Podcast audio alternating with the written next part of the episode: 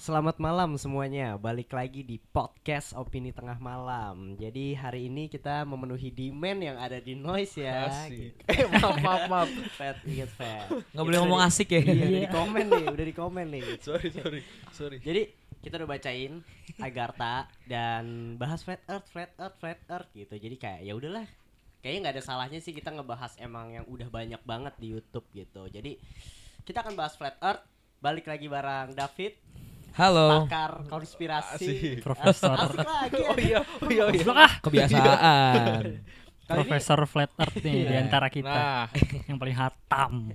lu tahu flat earth dari tahun berapa, Fit? belum opening, belum masuk. Oh, belum masuk. Oke oke. Buru-buru, buru. Gue penasaran. Engas, engas.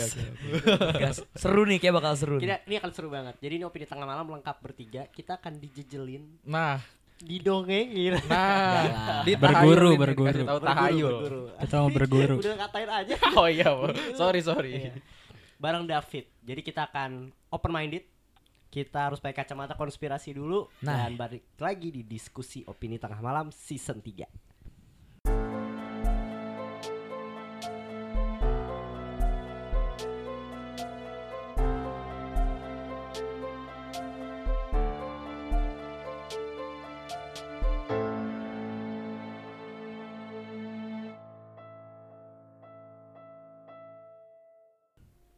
Oke, itu tadi kita perkenalan bareng David lagi, balik lagi bareng David. Setelah kita bahas Agartha, Hollow Earth, ternyata rame juga yang yang suka sama Flat Earth ya. Nah, eh hari ini kedatangan masih ada Faris juga, ada Fedrian juga, dan kita ini akan ada dua part. Dua part yang pertama itu part pertama kita akan dikasih tahu sama David kenapa sih bumi itu datar gitu. Dan part 2 akan ada debat konspirasi. Asik, lagi. Tahu ah. Udah gak boleh nanti Oh, iya, asak iya, iya. asik. Jangan bro. Jadi Iya, iya. part 1 tuh kita berguru Flat Earth sama David. Nah, Iya, part 2 kita berdebat. Jadi misalkan eh, gua ada pertanyaan yang menurut gua nggak nggak cocok gitu lah ya. Hmm. Itu akan dibahas di part 2 nanti. Iya, jadi kita akan ada dua part gitu loh. Yang pertama kita berguru dengan David, dia akan jelasin flat earth, flat earth Iya. dan di part 2 akan ada bumi bulatnya. Jadi bumi bulat dan bumi datar. Debat konspirasi segmen baru gak nih? Boleh Asik dibuat ya. nih. Gitu. Tapi kita keluarinnya kapan nih, Pet? Minggu depan lah ya. Tapi tergantung kalau seandainya nanti komennya banyak, demandnya banyak kita akan keluarin. Tapi sebelumnya gue mau nanya nih. Ini kan kalau si Servus sudah pasti, Oh, iya. David sudah pasti flat, Flat earth. Earth. Faris Gua normal. Apa sih? normal. Bumi atau- bulat, anjir. bumi bulat. Oh, gua nggak normal. Oke. bumi bulat.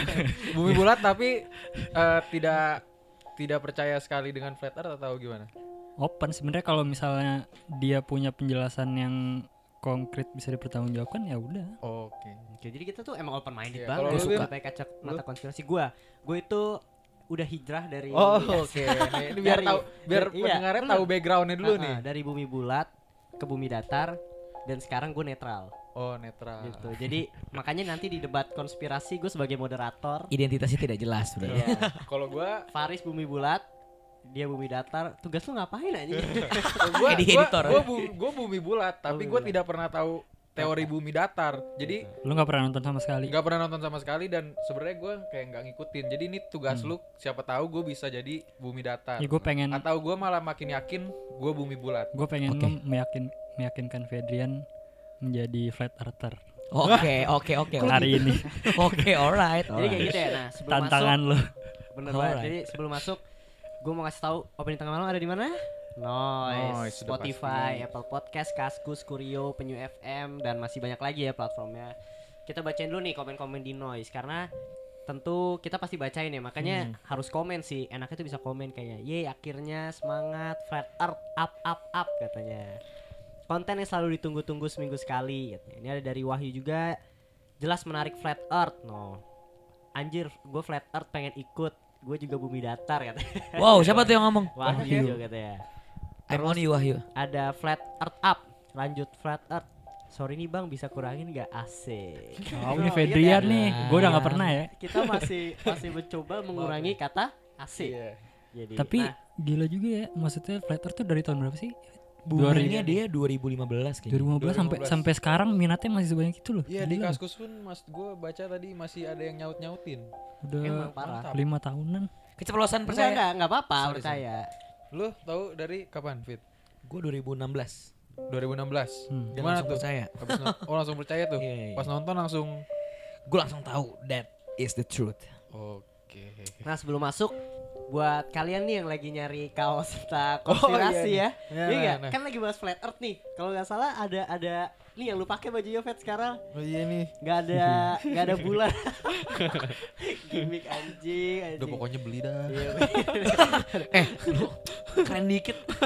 Ini kita Ngemis. gue udah nyusun flow-nya loh. Pokoknya intinya ada kalian nyari uh, kaos tentang film dan konspirasi ada di ada mana? ya? Thanks Geek Thanks Friday. Friday. Dan jangan lupa kalau kalian kalau kalian pengen lihat opini tengah malam yang ada di YouTube bahas tentang film dan konspirasi itu ada di Cinecrip. Yo Jadi, igan. igan. Kalian mau lihat tiga serigala? Asik. oh lu dulu. Satu dua ya. Denda dah abis ini. Jadi kalian bisa langsung ke YouTube Cinecrip. Oke, langsung masuk aja nih. Pertanyaan pertama yang keluar dari gua itu untuk David, kenapa sih bumi itu datar? Dongengin kita. Oke oke oke. Sebelumnya thank you banget nih opini tengah malam. Akhirnya dari sekian lama gue meminta, gue juga meminta nih teman-teman ya. Tolong dong bahas flat earth flat earth. Tapi akhirnya baru hari ini ya Oh, terwujud oke. juga. Oke teman-teman. Perlu kita ketahui bersama sebetulnya eh, konsep bumi datar ini pengertian manusia tentang bumi itu bentuknya datar itu justru lebih dulu ketimbang Iya. bumi itu bulat. Hmm. Itu sudah ribuan tahun yang lalu manusia pada zaman dulu taunya bumi itu datar Oke. kerennya orang zaman sekarang bilangnya itu adalah orang zaman dulu kita anak zaman sekarang kayak gitu ya Oke. dan itu selalu didoktrin tuh dari kita bocah tuh ya Iya, iya. bumi itu Gua tuh bulat pengen bulat. pengen apa sih kayak mau pengen mencoba men- memberi pertanyaan cuma nanti di segmen 2 aja ya. Iyalah, Ya ntar ya cerita. gak apa-apa oh gue. gitu oh gitu oh gitu oke oke oke oke kurang lebih seperti itu jadi gua akan ceritakan bahwa dulu peta dunia Hmm. sebelum tahun 1958 peta bumi itu datar Oke. Jadi bumi bulat itu baru tuh 1958. Dan Oh. perlu diketahui juga 1958 itu NASA lahir. Hmm. Jadi saat NASA lahir dibuatlah peta bumi bulat dan gimana caranya coba bisa buat peta bumi bulat? Dari peta bumi datar. That's right, brother. Gue di sini jadi bumi dataran dulu. Nggak apa-apa. That's right, brother. Bener, bro kita Jadi-. Jadi ada sebuah Oke. lembaga yang sangat kredibel ya di eh, Amerika namanya USGS, Hmm. United States Geological Survey. Hmm. Ini sangat kredibel dan mereka mengakui kalau mereka membuat peta bumi bola itu berdasarkan peta bumi datar. Mm-mm. Hmm. Ini sudah diakui oleh mereka dengan caranya namanya ada azimuthal itu sebuah rumus matematik yang diciptakan oleh cendikiawan muslim bernama Al Biruni. Oke. Oke ya. Oke, gue harus mulai dari mana nih? Oke, dari dari terserah lu dari mana aja. Kayaknya ada yang kalau nggak salah nih yang kayak kalau lu jauh lihat benda Oke, terus ya. lama-lama turun. Nah, nih nih gua gua nanya aja ya, gua nanya. Kalau di bumi bulat kan benda semakin jauh itu semakin menurun karena emang bumi itu bulat. Benar. That's Oke, it. gimana kalau dari tanggapan Bapak Servus ini dari Oke oke, bumi gini gini gini. Sebelum gue bahas ke sana, gue minta tolong dulu nih ke teman-teman untuk open minded ya. Iya, Iya. open minded dong. Teman-teman- kayak gue kayak lagi nge-MC anak bocah ya teman-teman. Enggak enggak enggak enggak enggak. enggak. Oke kepada para pendengar untuk open minded dulu, pakai dulu kacamata konspirasi. bagus nih. Oke ya. Sip. Oke oke oke. Sip. Gue akan jelaskan dulu. Jadi pemahaman tentang bumi itu da- bumi itu bulat itu mulai ada sebenarnya pada tahun 450 sebelum masehi Oke. Mm-mm. oleh seorang eh, seorang Yunani bernama bernama Martinus Capella Hmm. dan perlu diketahui juga dia ini penyembah dewa matahari dewara Oh, iya. jadi dia bilang kalau pusat tata surya adalah Matahari. matahari Matahari. lama tuh dia terbukti nggak nggak terbukti tetap pada zaman itu manusia percayanya bumi datar dan pusat eh, tata surya adalah bumi geosentris ya Hmm. Iya. Sampai lama muncul nih eh, tokoh baru bernama Copernicus itu tahun 1500-an Hmm. Copernicus dia bilang heliosentris sebenarnya pusat tata surya adalah matahari Hmm. Copernicus ini ternyata fans beratnya si Martinus Capella tadi Iya. yang hidup tahun 450 sebelum masehi Mm-mm. Terbukti nggak? Tidak terbukti. Diakui oleh dunia? Belum. Setelah Kopernikus selesai masanya, muncullah Galileo Galilei. Ini dia ternyata nggak cuma seorang ilmuwan, dia juga adalah seorang politik. Kemudian dia buatlah namanya dia bilang yang sama tuh kalau pusat tata surya adalah matahari dan eh, bentuk bumi bulat dan segala macamnya. Dipercaya nggak sama orang-orang? Tidak. Pasti tidak. Awalnya belum, Hmm. tapi sebetulnya asal muasal dari si Galileo Galilei Iya, ini. Akhirnya dia minta ke gereja. Eh sorry sorry, gereja menganggap dia eh, mau bawa sesat nih masyarakat. Akhirnya eh, gereja bilang yaudah nih buktiin kalau lu bisa membuktikan kita percaya. Akhirnya dia membuat eh, sebuah percobaan nih teman-teman. Namanya itu percobaan itu namanya stellar parallax. Nah ini agak susah nih gue jelasin ini. Perlu dijelasin atau nggak usah? Yang bisa masuk logika nggak kira-kira penjelasannya? Ini pasti masuk logika. Ini dia dia yang bilang bumi ini bulat. Oke. Coba jelasin, Jelasin secara yang- yang secara paham aja. singkat aja, secara singkat ya. Ya. Bayangin ya, bayangin ya. In- eh, sekarang berdiri orang A Hmm. Hmm. di sini nih, di titik satu. Oke. Di titik kedua, mungkin jarak serat eh, 50 meter ada sebuah pohon. Iya. Mm. Pohon eh, yang lebih tinggi daripada orang lah ya. Iya. 100 meter di pojok sana Hmm. ada bukit. Orang A saat melihat pohon itu dan melihat bukit itu akan bilang bukit katakanlah bukit itu bukit A ya. Orang A akan bilang pohon itu ada di depan bukit A. Ngerti nggak? Iya. Iya. Masuk logik nggak? Masuk. Masuk logik ya. Ini Masuk. karena gue main tangan di sini ya. Pendengar Iya. gue nggak tahu nih masuk logik apa enggak. Masuk Iya. masuk pasti. Masuk logik ya. Iya. Sekarang si orang A pindah ke deket bukit A. Ngerti nggak? Ngerti. Di- Dia melewati si pohon yang Iya, tadi di depan 50 tengah-tengah meter. berarti dia ya. Nah, dia di tengah-tengah. Tapi di seberang yang lain ada bukit B. Hmm. Ngerti nggak? Ngerti. Di Jadi orang di belakangnya bukit A, 50 meter di depan dia pohon, di ujung sana ada bukit B. Hmm. Iya ngerti Hmm. gue. Ngerti ya? Hmm. Sekarang pertanyaannya pohonnya itu ada di depan bukit A atau di depan bukit B dengan uh, perspektif dia sekarang? Depan Bukit B. Di- Betul sekali Dennis, di depan bukit B. Hmm. Karena dia pindah tempat. Hmm. Itu dia lakukan. Ol- dilakukan oleh Galileo Galilei. Iya. Tapi yang jadi pohonnya itu adalah rasi bintang. Tahu nggak men? Bintang bintang utara tahu nggak? Aduh nggak ngerti ya. Bintang pantura tuh. Susah ya, eh susah ya. Kalau terlalu ya. berat kayaknya kita skip aja deh. Iya, Skip iya. aja lah ya. Agak susah ya. Oke intinya seperti ini teman-teman. Intinya intinya dia tidak berhasil. Iya. Tidak terbukti dia gagal. Akhirnya dihukum mati oleh gereja. Tapi yang disebarkan oleh sorry ya oleh para gue harus bilang global elite atau Illumini, Illuminati. Oke. Sorry, sorry nih. Kesebut sebut nih, aja, maaf ya. Iya. Yang disebarkan mereka adalah dihukum mati karena bilang bumi itu bulat. Padahal bukan, men. Ada buku yang berjudul The Genesis of Science. Hmm. Di buku itu diceritakan kalau Galileo Galilei gagal eh, dengan teorinya stellar parallax. Jadi tidak terbukti bahwa bumi itu bulat, tidak terbukti bahwa pusat tata surya adalah matahari. Dan Oke. kenapa dia dihukum mati? Karena dia melakukan perlawanan politik. Dia ingin menyerang gereja. Mm. The fact is that. Jadi fakta yang sebetulnya itu itu. Oke. Tapi yang disebarin beda. Dan kerennya lagi, men. Hmm. Kerennya lagi, saat itu belum terbukti bumi bulat, sudah ada di kurikulum pendidikan di negara-negara di Eropa. Oke, ini satu pertanyaan yang timbul Oke. dari gua. Kak, gimana ya? Ini sebagai open minded aja ya. Alright. Jadi kayak kalau kalian flat earth gue gak ada masalah karena gue flat earth juga dan sekarang gue netral gitu loh. Jadi gue cuma pengen nanya itu tadi lu bilang buku fact fact gitu loh maksud gue sebagai fakta gitu kan. Tapi gue masih masih nggak tahu aja tiba-tiba dimasukin kurikulum tuh pasti ada satu pemicunya. Maksud gue oke kita masukin kurikulum kayaknya nggak semudah itu gitu loh. That's it. maksud gue nggak sa- knows. sangat-sangat maksud gue sangat Belum sangat nggak semudah itu karena dia nguji kan salah dia butuh teori yang memang sangat-sangat lebih kuat gitu dong. Dan kalau misalnya ada dua buku nih dua buku yang sama keluar yang satu bilang Galileo Galilei dibunuh dihukum mati karena dia menyerang gereja karena dia nggak bisa membuktikan bumi itu bulat. Tapi buku satu lagi dia bilang Galileo Galilei itu dihukum mati karena dia bilang bumi itu bulat dan ternyata dia berhasil cuma gereja menentang dua buku ini jadi ada dua persepsi kan kalau Yes. gue bilang gue bacanya yang satu gue nggak baca yang satu lagi No no. Eh, kalau yang eh, tidak terbukti itu diakui oleh Galileo Galilei-nya. Dia oh mengaku. dia nggak dia ngakuin Cuman yang kita belum tahu yang masih konspirasi ya, gue setuju sih. Hmm. Yang masih konspirasi adalah dia beneran mati karena oke Iya. nah iya itu yang jadi pertanyaan sih ditolak gua. ilmunya atau karena perlawanan politik Nah, gitu mungkin Ah, maksudnya. iya maksud gue lebih Oke, ke berarti situ. memang Dan- ada dua kemungkinan yang kita nggak bisa tahu dan pasti. kita nggak bisa tahu dan yang kedua eh sebenarnya gue awalnya saat itu gue percaya kan cuma pas gue ini ini lagi lebih kritis sih sebenarnya kayak nggak semudah itu kayaknya untuk si Galileo Galilei untuk masuk ke oke nih kita masukin aja kurikulum bumi bulat tapi di situ apakah tujuan dia ke depan dia bisa lihat kayak nanti kita akan adakan uh, bumi itu bulat. Gimana nanti kalau orang nggak percaya nggak percaya kita buat aja NASA kita buat ini. Apakah pikiran dia No, udah ke depan belum. kayak gitu?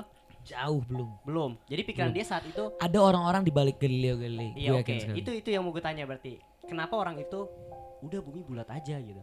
Dan Galileo Galilei kan dia nggak bisa buktiin kalau bumi datar tapi dimasukin kurikulum. Maksud gue pasti ada orang dong faktor yang memasukkan Oke. ya gue mau nanya aja kalau dari sudut pandang lu nih kayak tiba-tiba udah langsung aja nih kita masukin ke kurikulum nih bumi bulat nih gitu Oke. Gua akan jelaskan sekali iya coba nggak ya. apa it's, it's okay Jadi sebetulnya tujuan Flat Earth ini dibuat sampai ada namanya Indonesian Flat Earth Society segala macam Iya, tahu sampai gua tuh. di bagai- berbagai macam negara ya. Jadi kita itu membuat membuat nah kenapa kita kasih tahu ke dunia kalau bumi itu datar? Tujuannya bukan buat kalian semua percaya bumi itu datar. Tujuannya adalah untuk memberitahu ternyata dunia yang kita pikirkan tidak seperti yang dunia kita pikirkan. Mm-mm. iya iya Terlalu banyak konspirasi. Kata orang kita cuma tahu 5% loh dari fakta-fakta yang ada.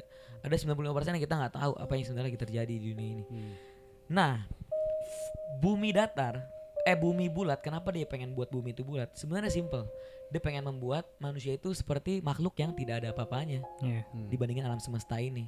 Padahal kita tahu secara orang-orang beriman ya. Hmm. Untungnya kita di Indonesia ya sila pertamanya ketuhanan yang Maha Esa ya. iya betul Orang beriman semua nih. Ha. Kita itu makhluk yang paling spesial, men. Hmm. Makanya kemarin bahas Agartha gue ketawa aja tuh ada makhluk di bulan lah. oke Tetap tapi tetap kita hargai, tetap iya kita hargai. terus Jadi tujuannya itu, men. Hmm. Pertama karena bumi tahu. itu pusat tata surya bener nggak betul. iya iya gue percaya Maksud gue tujuan mereka buat bumi bulat tuh itu supaya kita menjauh dari Tuhan, kita nggak percaya oh gue tuh cuma bagian kecil dari alam semesta. Ternyata di luar sana masih banyak kehidupan mungkin ada apa ya itu tujuannya. ya gue jadi dia buat jadi si Galileo Galilei ini dan orang-orang belakangnya itu pengen buat manusia seperti itu. Gue inget Fedrian ya pernah ngasih tau gue tentang buku judulnya Battlefield of Mind ya. Hmm. Kehebatan iblis itu adalah sabar. Jadi kita percaya dia plan ini tuh benar-benar mungkin dia butuh ribuan tahun untuk sampai Hmm. pada hari ini. Sampai akhirnya lu pun kita pun belajar dari kecil bumi itu bulat. Hmm. oke oke gue ada ada lu ada pertanyaan nggak selain itu coba Eh coba btw gue bahas sejarah doang nih belum bahas. Nah, Ini iya apa? nih. Gue pengen lebih ke ini sih kayak lu bahas peta Nah, apa bagaimana cara matahari dan bulan bekerja gitu-gitunya sebenarnya Oke, gua. Oke. coba. Oke, langsung langsung berarti skip kita langsung. Iya, Ya, kayak iya. bener-bener langsung disama, kita- disamain sama bumi bulan. Iya, history bedanya historinya, apa? History kita- baca ya, kita ada di ini. YouTube. Tadi eh, yang paling ini deh. Eh gue pengen bantah dulu bukan bantah sih. Ada fakta eh, fakta yang kita tahu selama ini tentang gravitasi ya. Iya. Hmm, Jadi yang kita tahu benda jatuh ke tanah karena gravitasi. Mm-mm. Iya. Kita bayangin bulat nih ya teman-teman nih. Hmm. Kita bayangin ada di bagian dunia bawah nih, Iya. bawah ya. Harusnya kalau nggak ada gravitasi berarti jatuh ke bawah, bener ya? Iya. Iya. Tapi pada kenyataannya tidak. Kita nempel ke bumi. Karena kan ada magnet bumi. Betul. Karena ada Magnet bumi. betul. Karena ada magnet bumi ya. Iya. Pertanyaannya magnet bisa nggak menarik logam? Bisa. Bisa. Bisa. Tapi bisa nggak menarik gajah? Bisa nggak menarik manusia? Gajah pakai armor. Bisa pakai armor kan? gajah galmur. Jawabannya, Ngapain? jawabannya tidak bisa. Iya. Jawabannya bisa. bisa. Jadi saat ada orang di bawah, Isaac Newton dengan gampangnya menjawab itu adalah gravitasi. Dia lagi duduk, ya tahu ya gambarnya ya, ketimpaan apel terus dia mikir kok ini apel bisa jatuh ke bawah. Isaac Newton hanya membuat teori itu untuk membuat bumi bulat jadi masuk akal. Jadi Isaac Newton ini hidupnya nggak lama dari Galileo Galilei itu, Iya. nggak nyampe Oh, satu tahun, oke. nggak nyampe satu abad, di abad yang sama. Dia menggunakan itu untuk merasionalkan teorinya tentang bumi bulat. Jadi gue catat deh, Fet. Nanti di diskusi part 2 kayak gue pengen nanya dah. Oke, oke, oke. Kayak gue pengen kayak uh gitu loh tau Alright, alright. Sabar deh, sabar. Silakan catat dulu ya, teman-teman Oke, sambil pendengar lanjut, juga. sambil lanjut. Lanjut. Oke, kayak gitu ya. Hmm. Sekarang gua akan uh, ngasih tahu fisika sedikit. Ada yang tahu tentang berat jenis nggak? Ya lu jelasin aja. Oke, gue jelasin berat jenis ya. Jadi setiap benda itu punya berat jenis masing-masing. Mm-mm. Berat jenis air Hmm. adalah 1000 kg per meter kubik. Artinya dalam satu volume meter, satu meter kubik itu bisa penuh dengan 1000 kg air. Ngerti nggak? Enggak. Iya, iya. Ada wadah Iya. satu meter kubik tahu kan? Iya, iya. Ke eh, lebar satu meter, tinggi satu meter, panjang satu meter gitu ya. Hmm. Itu namanya satu meter kubik. Mm-mm. Untuk memenuhkan satu meter kubik itu diperlukan 1000 kg air. Oke. Paham ya? Itu namanya Paham. berat jenis. Oke. Setiap benda punya, kita manusia punya, mic yang lagi kita pegang punya, Hmm. handphone semua punya berat jenis masing-masing. Sekarang gue tanya, kenapa ada benda yang bisa tenggelam di air? Kenapa ada benda yang bisa melayang di air dia tidak tenggelam tapi tidak terapung dan ada benda yang bisa terapung di air? Jawabannya karena Berat ben jenis. betul, karena No. berat jenis. Flat Earth, Bro. Lu Betul karena berat jenis. Tapi lu udah bengong aja nih dari tadi kayak anjing. jadi begini, ini ilmu fisika lu, makanya lu SMA IPS lu, IPA eh IP, IPA jangan IPS. Jadi kalau benda yang tenggelam karena dia berat jenisnya lebih besar daripada air. Kalau air 1000 kg mungkin benda yang tenggelam contoh besi. Mungkin besi itu berat jenisnya bisa kayak 13.000 kg per meter kubik Hmm. Oke. atau mungkin 5.000 kg per meter kubik. Jadi dia tenggelam. Mediumnya air ya. Mm-mm. Kalau benda melayang berat jenisnya itu mirip, lebih kecil sedikit atau lebih besar sedikit, mirip. Dia makanya di tengah-tengah air. Kalau benda yang terapung sudah pasti karena dia lebih ringan berat berat jenisnya. Kalau tadi air 1000 kg per meter kubik dia mungkin kayak cuma 100 kg per meter kubik atau mungkin cuma 500 kg per meter, per meter kubik. Dia makanya terapung. Mau nanya apa, Bimo? Oke, gua gak ada pertanyaan. Oh, ada pertanyaan, Oke. oke. Terus Sekarang udara punya berat jenis nggak? Punya. Punya. Jawaban yang sangat baik. Gue bro. Oh, iya, terus. Kalau kita Isaac Newton hidup sekarang ya, kita tanya Isaac Newton, kenapa orang bisa berdiri? Dia akan bisa sorry, kenapa orang bisa jatuh ke tanah kalau loncat? Jawabannya adalah gravitasi. Sekarang kita tanya dia, kenapa balon helium bisa terbang ke udara? Katanya ada gravitasi, kenapa dia nggak terangkat? Dia bisa jawab. Paling banter dia jawabnya apa? dia apa? Kenapa dia bisa keangkat ke udara balon helium? Ah. Abang-abangan balon. Ah. Hmm. Kenapa dia terangkat? Tidak tertarik oleh gravitasi. Karena di dalamnya itu ada suatu molekul yang berat jenisnya lebih rendah daripada udara. Udara ya. Jawabannya kembali ke berat jenis, bukan ke gravitasi, bener nggak? Mm-mm. Ya kan gue flat earth. Oh lu flat Kan earth. gue masih gini flat earth. nih, Damn. Gila. Selama ini dia flat earth. Oke oke. Ngerti nggak? Fat. Ngerti gue. Atau lu nggak ngerti? Udah biar aja. Gak usah malu lu ngomong nggak ngerti. Tenang. kalau Fedrian jelasin Fedrian anjing. Oh iya. Lanjut lanjut lanjut. Karena berat jenis, Ah. Gravitasi tidak bisa menarik balon helium. Iya. Kenyataannya seperti itu. Oke. Hmm. Berarti clear Sudah terbantah atau belum clear? Belum clear. Oke. Menurut Isaac Newton, kenapa bumi selalu mengorbit matahari? Karena gravitasi. Hmm. Ilmuwan ya ternyata David ya. Tapi ternyata in fact, in fact tidak ada satupun ilmuwan terpinter di dunia pun yang bisa membuktikan teori itu benar.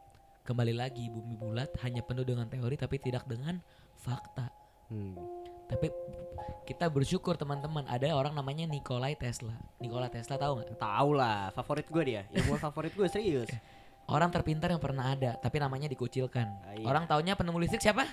Aduh gue lupa. Thomas pokoknya. Alva Thomas. Edison. Padahal dia Tesla Padahal tuh sedikitnya tuh sedikit info aja dia tuh kayak pengen buat listrik tuh gratis untuk seluruh dunia. Nikola Tesla, that's Kalau right. Tesla cuma ya balik lagi elit politik kayak bilang ini nggak bisa nih bisa dijadiin duit bisa diduitin Hmm. bro gitu akhirnya ya udah namanya Sebentar, Gue dan tulis, gue tulis. Jadi itu konspirasinya kayak gitu ada yang mau lu tanya ini dari udah, mahal-mahal kita undang Nah, Nikola ya. Nikola Tesla ini nih. Nikola Tesla ini punya teori namanya elektromagnetik elektromagnetik Ah. Dan ini lebih masuk akal. Lu tahu kan setiap benda itu molekul itu dia punya elektron Hmm, yang selalu mengitari inti atom. ya. Tahu nggak? Aduh, mampus masuk kimia. Lu ngerti nggak Faris maksud gue? IPS. Oke, kita skip aja bagian ini, alright. gue IPA nyet gila Lu IPA, Bim. IPA bray Serius, serius. gue Isaac Newton aja gila lu Iya, iya. Jadi elektromagnetik eh, elektromagnetik ini jauh lebih masuk akal untuk menjelaskan kenapa benda-benda langit itu berputar di atas bumi. Hmm. oke Inti magnet di mana sih di bumi ini? di dalam bumi Di Di kutub, kutub. utara. oh di kutub utara That's why kenapa kau kompas selalu menunjuk utara. oh iya iya Hmm. Ke mana pun lu pergi kompas selalu menuju ke kutub utara karena itu adalah inti magnet bumi. Iya. Itu punya penjelasan yang sangat baik kenapa matahari mengorbit, bulan mengorbit. Tadi ditanya kan kenapa bisa mengorbit, eh, bagaimana cara mengorbitnya. Jadi ternyata kalau di eh, bumi datar itu matahari nggak sebesar itu men, nggak 100 Iya. kali besar bumi. Dan bulan itu tidak sebesar itu hampir sama seperti matahari. Hmm, iya. Sama Seperti itu. sama. Hampir sama. Oh, tapi tapi gedean matahari. tetap lebih besar matahari. Oh. Kalau kita di Kristen ada ya di kejadian ya. Hmm. Eh, Tuhan membuat benda penerang yang satu lebih besar untuk siang, yang satu lebih kecil untuk malam. Hmm. Tadi bahas yang mana sih? Oke. Gravitasi ya. Nah, gue mau nanya ini aja langsung ke penerbangan deh. Kan kalau nggak salah tuh ada kasusnya nih, mungkin Faris atau Fedin Yang yang tahu mau nih. ini dulu Yang mana? bentuk buminya. Gue nunggu bentuk buminya Bentuk nih. bumi tuh piring. Iya maksudnya jelasin. Oke, jelasin jadi bentuk bumi sep- seperti piring. Teman-teman anggap ada sebuah piring besar, Hmm. benar-benar lingkaran bulat pipi, Mm-mm. lingkaran gitu. Lu bayangin ada tutup saji, tudung saji. Cuman lu tau nggak kalau di restoran kan lu orang per- perhotelan nih, yang warna silver itu loh, metalik, Heeh. Oh iya kayak tutup Yang bulat, nutup lah. setengah lingkaran ya. Iya iya. Heeh. Itulah bumi, bentuknya seperti itu. Mm-mm. Dan apa yang setengah lingkaran itu itu adalah Kubahnya deh ya. celestial, kubah Bener celestial. kan? Jadi nggak bisa ditembus tuh mau sama roket, mau sama apa. Bener nggak gue? Tapi lu ada di eh, tahu nggak kayak di luar itu apa? Nggak ada. Di luar kubah Oke. itu apa? Kalau based on Bible ya, Sikat, Riz, boleh nggak pakai based on Bible? Sikat. Boleh Masih mau menggali flat earth Based on Bible boleh nggak? Di part Iya, dua nggak apa-apa. biar orang nonton. Jadi di satu kejadian 6 ayat 7 Iya. ayat 7 sampai 8 ya, itu dibilang Allah itu menciptakan cakrawala. Hmm. Cakrawala artinya apa? Di, KK, di KBBI langit. Nah. Cakrawala ada, adalah langit. Dan di bawah cakrawala itu diciptakan air. Jadi di bawah langit ada air yaitulah laut, danau segala macam. Oke. Hmm. Dan di atas cakrawala itu juga ada air. Hmm. Jadi fungsi cakrawala adalah memisahkan air dari air. Jadi kalau ditanya atasnya apa? Atasnya air. Atasnya air. Air Di, juga. di balik tudung itu. Di balik tudung itu adalah air yang tidak bisa dan tudung itu tidak bisa ditembus oleh Hmm. apa pun. Kok bisa sih kita hidup nggak ada udara segala macam di atasnya air? Ada eksperimen nih. Jadi kayak pot ditaruh dalam laut semuanya air. Tumbuh nggak pot itu? Tumbuh men. tumbuh. Tumbuh. Oke. Kalau di bumi bulat juga ada loh, ada apa namanya? Galak galaksi. Gue lupa nama galaksinya kalau seandainya salah di revisi ya. Kita galaksi Bima Sakti, tapi dekat gal- galaksi Bima Sakti itu ada satu galaksi yang isinya tuh cuma air. Ya mungkin mungkin yang air disebut kalau di bumi bulat itu kali ya. Kan gue nggak tahu nih. Ada There satu is- galaksi. Ada satu Oh, iya. galaksi yang kalau seandainya galaksi itu berarti apa ya? Robek itu isinya air doang dan bisa jadi tuh galaksi Bima Sakti terpenuhi sama air doang gitu. Tapi itu hanya galaksi. Oke. But, Oke, we don't, oke, but we don't, we Hmm. don't trust kan kalau filter kan nggak percaya dengan galaksi. Saya ya nggak percaya. Dinosaurus nggak ada juga kan? Nope. Nggak ada. Yaudah nanti kita bahas ya dinosaurus. Apa tadi? Mau- Oke, kayaknya Faris yang paling ini deh, yang Iya, paling maksudnya mana? menjurus pertanyaan yang apa apa coba? Apa? Enggak gue pengen lebih detail ke Oke, ininya bentuk- sih pembeda bumi bulat sama bumi datar. pen- bentuknya aja ya, gue jelasin bentuknya. Sekarang buka tangannya seperti ini teman-teman. Masih. Telapak Tunjuk tangannya ya. telapak tangannya dibuka. Ikutin, ikutin semua, ikutin, Ikutin, ikutin. ayo. Ayo. Di tengahnya, tengahnya itu berarti bagian telapak tangan bagian tengah itu adalah kutub utara. Kurang lebih seperti Oke. itu. Jadi Oke. tengah lingkarannya ya. Hmm. Di pinggirnya itu adalah Antartika, Nah, Mengelilingi. mengelilingi. Iya. Jadi di- nggak ada tuh kutub selatan. Kenapa Fit bisa kayak gitu? Karena memang ternyata in fact tidak ada penerbangan keliling dunia yang bisa nembus utara ke selatan, selalu barat ke timur. mm-mm. Hmm. Bener. Nah, pertanyaannya kadang-kadang pertanyaan umumnya nih Faris. Iya. Kalau buminya datar, terus kalau orang penerbangan penerbangan keliling dunia atau pelayaran ya kayak Christopher Columbus gitu-gitu. Iya. Gimana caranya dia bisa eh, pergi ke timur terus, ke arahnya timur terus, eh balik lagi ke tempat yang sama. Iya, gitu kan kalau dunia kan. Biasanya. Pertanyaannya gimana? Kalau bumi bulat kan masuk akal tuh ya teman-teman ya. Ya, karena dia ngiter. Lurus, Ah. ngiterin lingkaran ya, Iya. ngiterin bolanya. Ternyata masuk akal. Sekarang gue tanya, bagaimana caranya mereka bisa jalan ke timur terus? Mereka butuh alat namanya apa? Untuk bisa jalan. ke- Kompas. Yes. Gila ya gue. Oh my god. Gila gue. Eh, Oh my ini sederhana lu nggak ngerti Jal. Ya lanjut terus aja. Dia akan selalu mengarah ke timur. Sekarang pertanyaannya adalah kompasnya itu menuju ke mana tadi gue bilang? Ada satu jarum yang dia menuju ke Utara. utara betul. Karena dia itu adalah inti magnet. Mm. Jadi kalau di eh, dimasukin ke bumi datar ya peta bumi datar lingkaran begini akan menjadi masuk akal karena pet, Muter karena gitu. kompas betul muter juga karena kompasnya selalu menuju ke utara. Gue mau ngarah ke timur nih. Ke timur maju. Lihat lagi utaranya mana. Utaranya sebelah kiri gue berarti gue ke timur lagi ya. Maju lagi maju. Iya, iya. sama aja muter juga. Paham nggak? Paham, paham, paham. oke. Akhirnya yang sering ditanya sama orang adalah tentang Antartika. Penerbangan keliling dunia itu yang pengen ditanya sama Faris. Nah, Terus kenapa dengan Antartika? Kok gitu sih? Maksudnya kayak dinding besar aneh nih buat orang eh, bumi bulat nih. Iya. Jadi memang ternyata ada satu orang yang ini kita bahas di Agartha ya, Iya. Admiral Byrd. Oke, dengerin ya Agartha. Dia admiral termuda yang pernah ada dalam sejarahnya uh, Amerika. Dia uh, datang pertama kali ke dia datang total tuh uh, sorry lima kali ke Antartika. Datang pertama dia pulang. Datang kedua dia cuma sendiri. Hmm. Eh sorry dia cuma empat kali. Datang kedua dia sendiri, dia pulang. Datang ketiga dia bawa banyak pasukan. Sabar gue tuh di sini. Ini namanya Operation High Jump tahun 1946 sampai 1947. Ini udah agak tua nih umurnya. Hmm. Dia membawa ke sana adalah 13 kapal termasuk kapal induk. Hmm. Dan kedua dia bawa 29 pesawat termasuk helikopter dan di total orang-orang yang ikut ada 4.700 tentara. Hmm. Question nggak buat lu semua? Iya di Antartika ada apa? Dia mau kayak mau perang What's gitu. wrong? Gue gue panas-panasin. Yeay. Terus di eh, kepergian yang keempat Operation Deep Freeze namanya tahun 1956 1957 dia bawa 1800 tentara. Dia bangun tiga pangkalan militer di Antartika. Aneh nggak? Hmm. Dan sampai hari ini perusahaan swasta cuma boleh nambang di kutub utara. Mm-mm. nggak bisa di Antartika. Akhirnya terdapat sebuah interview asli resmi, Dari ada videonya, bener. dokumenternya asli yang ngomong Admiral Byrd. Dan nggak lama dari dia ngomong itu dia meninggal. Ini fakta. Kita ya itu bisa konspirasi baru tuh. Iya, Karena konspirasi dia baru. ngebongkarin atau gimana ya. Hmm. Apaan? Jadi dia dia bilang kan dia bilang ada tiga poin di sini yang penting. Poin pertama adalah dia menemukan pulau sebesar Amerika United States sejauh 180 mil dari Antartika. Itu jauh loh. Jauh banget. 180 mil tuh hampir hampir 300 kilo. Hmm. Jadi dia menelusuri Antartika segitu jauh dia temuin pulau Antartika airnya hangat, tidak ada es Hmm. dan bisa ada kehidupan di sana. Itu yang pertama. Yang kedua, dia menemukan bahan baku yang luar biasa banyak. Kalau kemarin gue bilang 30 tahun untuk seluruh orang di dunia, ternyata batu baranya bisa buat ratusan tahun ternyata. Ini emang setahu gue Yang emang dia ya. omong, ratusan tahun untuk seluruh orang di dunia. Di situ juga mengandung uranium dan bahan baku yang lain. Dan bilang kaya sekali. Dan yang ketiga ini yang agak yang agak serem. Dia bilang kita harus berhati-hati terhadap serangan balik di Antartika. Jadi Admiral Byrd ini secara tidak langsung menyampaikan dia percaya akan adanya kehidupan entah itu dinding. manusia atau di luar dinding Antartika. Tapi dia nggak itu. ketemu ya sama makhluk hidup.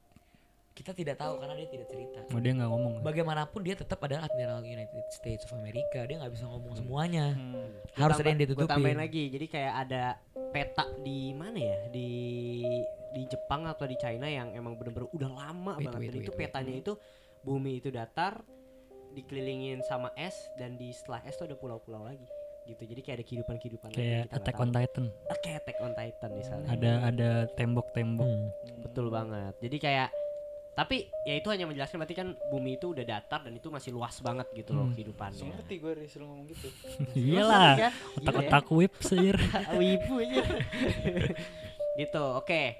Yang tadi Antartika mungkin masih No, no, lagi. Gue masih mau bahas Antartika sedikit sedikit. Oke, oke. Ini sebenarnya eh, mungkin eh, biang dari konspirasi itu sebenarnya flat earth sebenarnya ini. Oh, Ini bisa men- menjalar ke mana-mana nih. Jadi pada tahun itu kan 1956 sampai 1957 dibangun tiga pangkalan militer di Antartika. Dan di, Antartika itu dikuasai oleh 12 negara. Gue lupa lengkapnya, tapi pastinya ada Amerika, Rusia, Jepang, negara-negara besar Inggris, Norwegia, Belgia, dan negara-negara di selatan tuh Argentina, Argentina, Chili, Afrika Selatan, kayak gitu ya. Nah, tidak lama dari itu dibuatlah namanya Antarctic Treaty namanya. Jadi ini eh, sebuah pertemuan pemimpin dunia United Nations. Dia membuat eh, tanda tangan perjanjian gitu kalau Antartika ini nggak boleh dilewati oleh siapa pun. Dimulai dari 1957 baru ditanda tangin tanda tanganinya 1959. Ini tanda tanya besar karena saat kejadian ini 1957, kalau tadi lu pada inget 1958 dibangunlah NASA Hmm. Hmm. Kayaknya mereka tahu sesuatu yang ada di balik tembok ini. Dan di tahun yang sama 1957 itu Rusia meluncurkan satelit pertama di dunia namanya Sputnik. Satelitnya sih- satelitnya sih satelitnya sih biasa aja cuman bola doang biasa. Hmm. Ada kakinya empat gitu, ramping banget kakinya biasa banget. Yang jadi tidak biasa adalah ini satu-satunya roket yang paling canggih pada zamannya. Dia bisa nembus eh, ketinggian sampai 577 km. Tinggi banget ya. Iya. Tinggi. Itu setengah pulau Jawa, men. Oke. Tinggi banget ke atas. Klaten tuh tuh ya. Heeh. Dan Amerika nggak mau, nggak mau kalah 1958 Klaten. Buat. buat juga namanya Buat. Explorer 1 Nah, jadi ada namanya lomba eh, lomba apa nih lomba teknologi gitu ya iya. antara Amerika dan perang dingin itu. Hmm, oh ya ini udah masuk masuk mulai Udah, hampir udah- perang, udah masuk perang dingin, dingin itu. ya Heeh. Itu dia satelit dengan tujuan. tujuannya waktu itu apa ya oh ingin menelusuri ini luar angkasa Oh, Oke. Sputnik Iya. dan Explorer 1 nah ini udah mulai banyak keanehan di sini ternyata eh, 1959 space space program itu makin banyak space program seolah-olah pengen membuat suatu yang sorry ya mungkin teman-teman di sini percaya dengan luar angkasa kalau gua enggak Aku. gue Gue gua, gua sedikit space nerd sih. Kayak suka dengan hal-hal yang luar angkasa gitu lah. Alright, alright. Sama gue juga. Oke, gue tuh netral lah sih. Oke, Terus, terus. oke. Lanjut. lu percaya Nah, enggak jadi- lu anjing diem doang lu kayak gak guna anjing di sini kan. Gua nyimak aja. aja. Nggak dia nyimak, dia Iya, nyimak. dia Nanti dia nyimak. pasti bertanya. Ntar di apa diskusi kedua dua. nih. Iya. Nah, Awas aja lu. Tiba-tiba jadi tiga lawan satu lagi part 2 siapa satu nih? Nih, gua sendiri jadinya gitu. Tiba-tiba Fedrian jadi flat earth aja. No no no. Follow Earth deh gue udah. Asik, asik. Eh nggak boleh ya. Gila, gila, gila, gila. boleh. Lanjut lanjut. Nah, di tahun yang sama berdekatan 1958 sampai 1962. Amerika dan Rusia itu sama-sama membom langit dengan nuklir. Hmm, iya. Nama nuklirnya, nama operation ini Operation Fishball yang pertama, operation yang kedua namanya Operation Dominic. Kenapa fishball coba? Lupa gue tuh kalau nggak salah. Apa ya? Sebenarnya sama dengan konsep yang tadi gue bilang bentuk Iya, bumi itu. tudung. Lingkaran dari tudung saji. Ini seolah-olah Dia pengen mereka seperti ya. yes, mereka mau hancurin akuarium. Mm-mm. Yang pertama. Yang kedua namanya Operation Dominic. Dominic itu artinya kalau bahasa Latin Tuhan. Ini operation yang mungkin ya ini ini pengertian dari Earth. Gue lupa dia punya pende- eh, penjelasan detailnya kenapa bisa jadi kayak gini. Cuman diartikan sebuah operation yang ingin melawan Tuhan. Mm. Jadi dia nggak bom langit yang kekuatan bom nuklirnya itu 2540 kali lebih besar daripada bom atom Hiroshima Nagasaki. Tahu Gede nggak? Gede banget. Dan mereka lakukan itu selama 4 sorry 5 tahun 1958 sampai 1952. Benar 5 tahun? Kalau kurang 58, lebih gitu. 59, 60. Itu ada videonya kok. Yes. Jadi pas roketnya nembus tuh kayak deng nggak nggak bisa terus cuma kayak apa ya? Yes, Kayak pecahan cuma itu pecah kayak doang. nutupin ke atas gitu loh. Yes. Kalian bisa lihat. Yes. Hmm. Jadi sampai hari ini mereka tahu sebenarnya langit ini nggak bisa ditembus. Hmm. Ada suatu pelindung yang memang Tuhan nggak bisa tembus. Hmm. Eh sorry, yang orang nggak bisa tembus karena itu ciptaan Tuhan. Nggak bisa. Man, man, Jadi please, please. People make ini. mistakes, bro. Jadi Nggak bisa. Diketawain lu kira ngomong ketawain orang aja. Tahu ngetawain Tahu doang. lu. Ntar. Oh ya tar tar ya. Lanjut, ya, lanjut, ya. jadi nah, gue mau bahas juga tentang perspektif tuh. Yang mana nih? Sebentar ya. Tahu gue juga nama roket-roketnya tuh roket-roketnya unik-unik gitu loh kayak ada nama palu palunya Thor kayak palu pemecah kubah apa atau apa Yes. Udah kan? Yes, namanya Thor salah satunya, one of them. Mantan flat earth, Bro. Jadi memang kayak they wanna fight gitu, tapi iya. sampai hari ini mereka nggak bisa. Ya gimana, men? Maha kuasa tuh nggak bisa dilawan. Hmm. Lanjut ya. Tadi ngebahas tentang masalah perspektif. Soalnya bukan perspektif. eh, ada ajaran di kita waktu sekolah dulu ya. Kalau bukti bumi bulat adalah kalau kita ngeliat kapal, Hmm. kapal itu menjauh lama-lama Hilang. makin tenggelam ya, makin ke ya. bawah ya. Nah, Itu benar atau salah? salah jarak pandang ya. Benar. Eh? Benar. Tenggelam kan? Tenggelam, benar kelihatannya seperti tenggelam. Seperti tenggelam. Pertanyaannya, apakah itu karena buminya bulat jadi tenggelam? Atau Flat Earth akan menjawab salah. Apakah kita pakai teori? Menjawabnya no, kita pakai fakta. Benar-benar bisa dilihat. Hmm. Hmm. Jadi asum ini ini adalah fakta ya. Menurut mereka asumsi jari-jari bumi adalah 6.371 km jari-jari. Berarti kalau diameternya dua kali lipatnya dong, ngerti nggak? Itu dari, IPS atau IPA lu SMP juga pasti. ada. Oke, jadi 6.371 km. Nih ya, jari-jarinya. Hmm. Nah, kalau kita pakai rumus Pitagoras, Pitagoras tahu ya? Tahu lah. Untuk menghitung segitiga sama kaki ya, Hmm. akan ditem maka akan ditemukan angka bahwa setiap 8 setiap mil akan ditemukan lengkungan sebesar 8 inci. Ini rumus rumus pasti. Hmm. Kalau memang eh, jari-jarinya adalah 6.371 km dan memang bumi itu bulat, harusnya ada kelengkungan 8 inci per mil. Satu mil itu kalau nggak salah 1,6 kilo kalau nggak salah. Iya betul. Betul ya? Hmm. Apakah benar seperti itu? Saya tidak tahu. Apakah benar seperti itu? Ternyata tidak. Ada sebuah eksperimen di Inggris namanya Bedford Experiment. Jadi ada sebuah trek lurus sepanjang 6 mili. Ini sungai di sungai di Inggris gitu. Gue lupa nama nama eksperimennya Bedford Experiment. Yang harusnya kalau mengikuti rumus eh, Pitagoras harusnya ada kelengkungan berarti berapa? Ada 6 mil berarti ada kelengkungan 48 inci. Hmm. Jadi eh, ba- benda yang kita lihat sejauh itu harus harusnya lebih pendek Pokoknya lama-lama tenggelam lah. Ah, lama-lama tenggelam. Gue lupa angka pasti, sorry ya. Nah, Nah, apakah demikian faktanya? Ternyata memang kalau dilihat hilang. Hmm. Tapi saat di zoom pakai eh, kamera yang Teleskop. benar-benar yes. Bukan teleskop sih dia kamera, beneran kamera iya, buat iya. foto atau apa gue nggak tahu. Ternyata ada dan tidak tenggelam. Hmm. Ternyata selama ini kenapa bisa tenggelam? Ternyata ada batas pandang manusia. Namanya perspektif. Hmm. Jadi kalau dan itu ada ininya sih, ada videonya sih. Hmm. Hmm. Dan memang kita pas nonton videonya itu terlihat, oh iya. Tapi bener. videonya video kayak orang juga yang buktiin pakai kamera. Ah, jadi Iya. bukan Gue pernah lihat pernah- Heeh. dan videonya asli nggak kayak foto bumi yang CGI nggak kayak satelit yang CGI nggak kayak space Flat Earth tuh udah kayak wah David gitu. udah nggak bener bener nggak nggak kayak space foto-foto orang kayak Iya, yang iya. CGI sekarang hoax nggak sih men? Ada Iya, foto iya, galaksi hoax. galaksi Bima Sakti gitu ya katanya. Isinya cuma bintang-bintang doang terus katanya ini bumi di sini kecil banget buminya. Yang foto siapa?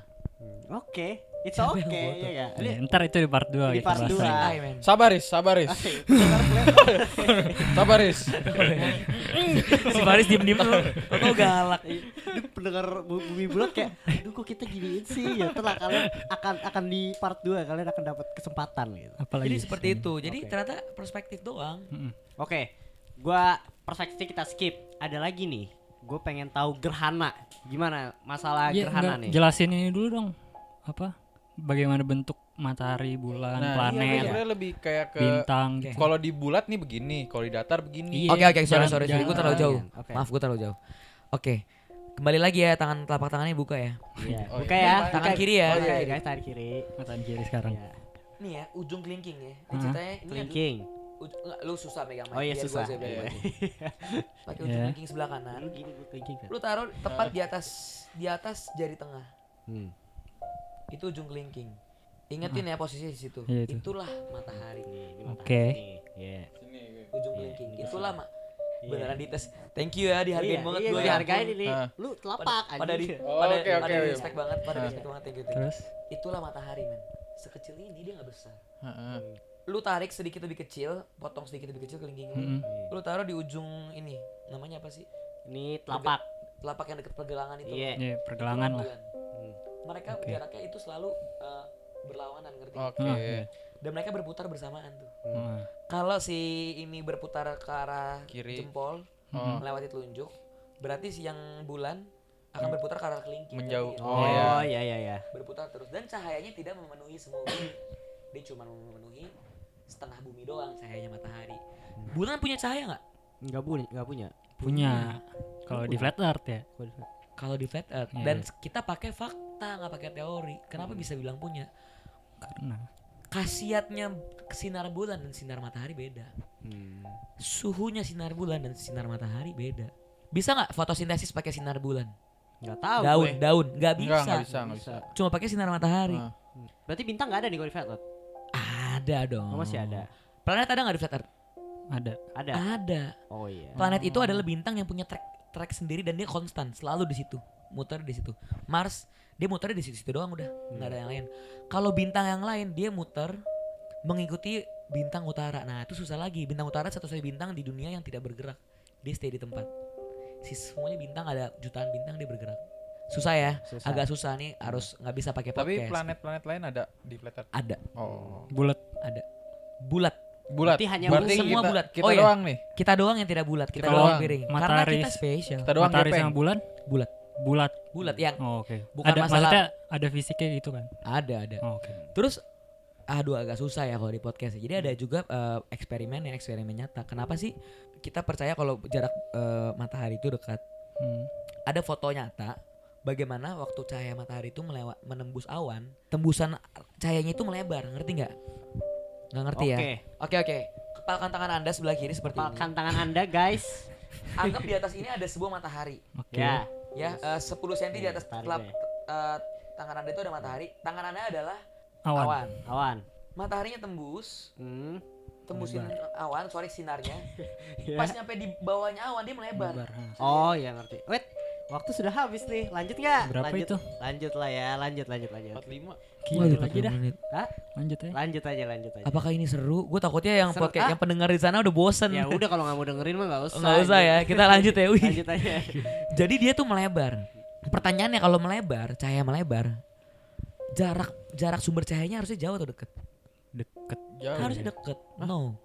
Kalau dia jauh, Udah saat dia tembus duluan. ke matahari, justru tidak tidak melebar tapi sorry waktu dia nembus awan, cahayanya tidak melebar tapi cahayanya bakalan lurus. Itu ada eksperimennya. Hmm. Justru karena dia deket, cahayanya melebar. Oh. Paham nggak? Agak susah ya. Mm-mm. Iya, iya. Karena cuma pakai mulut ya. Oke. Makanya lu buat YouTube dong opini tengah malam. Oh, iya, iya, iya. Aduh. Oke, oke. Ntar lu gue mau nanya nih. Kira-kira kira-kira yang mau lu jelasin masih banyak nggak? Coba. Gua rasa cukup deh, gua rasa cukup. Enggak apa-apa, masih? Masih masih nggak? banyak, masih banyak. Kamu masih juga ada pertanyaan? gua Masih ada Gerhana pertanyaan? matahari, gerhana matahari terakhir Wait, terakhir. wait. Kalau masih banyak mending kita buat gue mau buat Tiga aja lah. dua tiga part Tiga part aja Ya nggak udah lah, apa-apa. udah biarin lah, lanjut dulu aja. Hah? Soalnya masih ada eh, apa? Moon landing. Nah iya. oh iya kan? ya udah oke oke kita ya. kita kita bagi tiga ya oke. Jadi biar nggak terlalu dengerin Gua baru bahas gerhana matahari nih. Ya, 45 Iya. masih menit masih ada gerhana matahari, moon landing, masih ada ya banyak lah. Ya udah. Kita akan masuk ke part 2 sebelum debat konspirasi. Berarti debat konspirasi mungkin di part 3 ya. Di hari ini juga atau? Hari, Hari ini. Kita juga. rekamannya hari ini. Langsung hari ini lanjut. Aduh gua kampung banget ya. Lanjut. Oke, oke, tar dulu ya, gue tutup dulu nih. Jadi buat kalian yang udah dengerin sampai sekarang, jangan lupa nih komen di noise nih ya. Komen di noise itu menentukan part 2 itu keluar kapan. Hmm. Tapi kita udah buat, sedih banget. Gak apa-apa, it's fun apa gitu ya. Biar gak kelamaan juga kan. Oke, tetap dengerin terus opini tengah malam. Jangan lupa follow Instagram dan Twitternya. Sampai jumpa di part 2. Bye. Bye.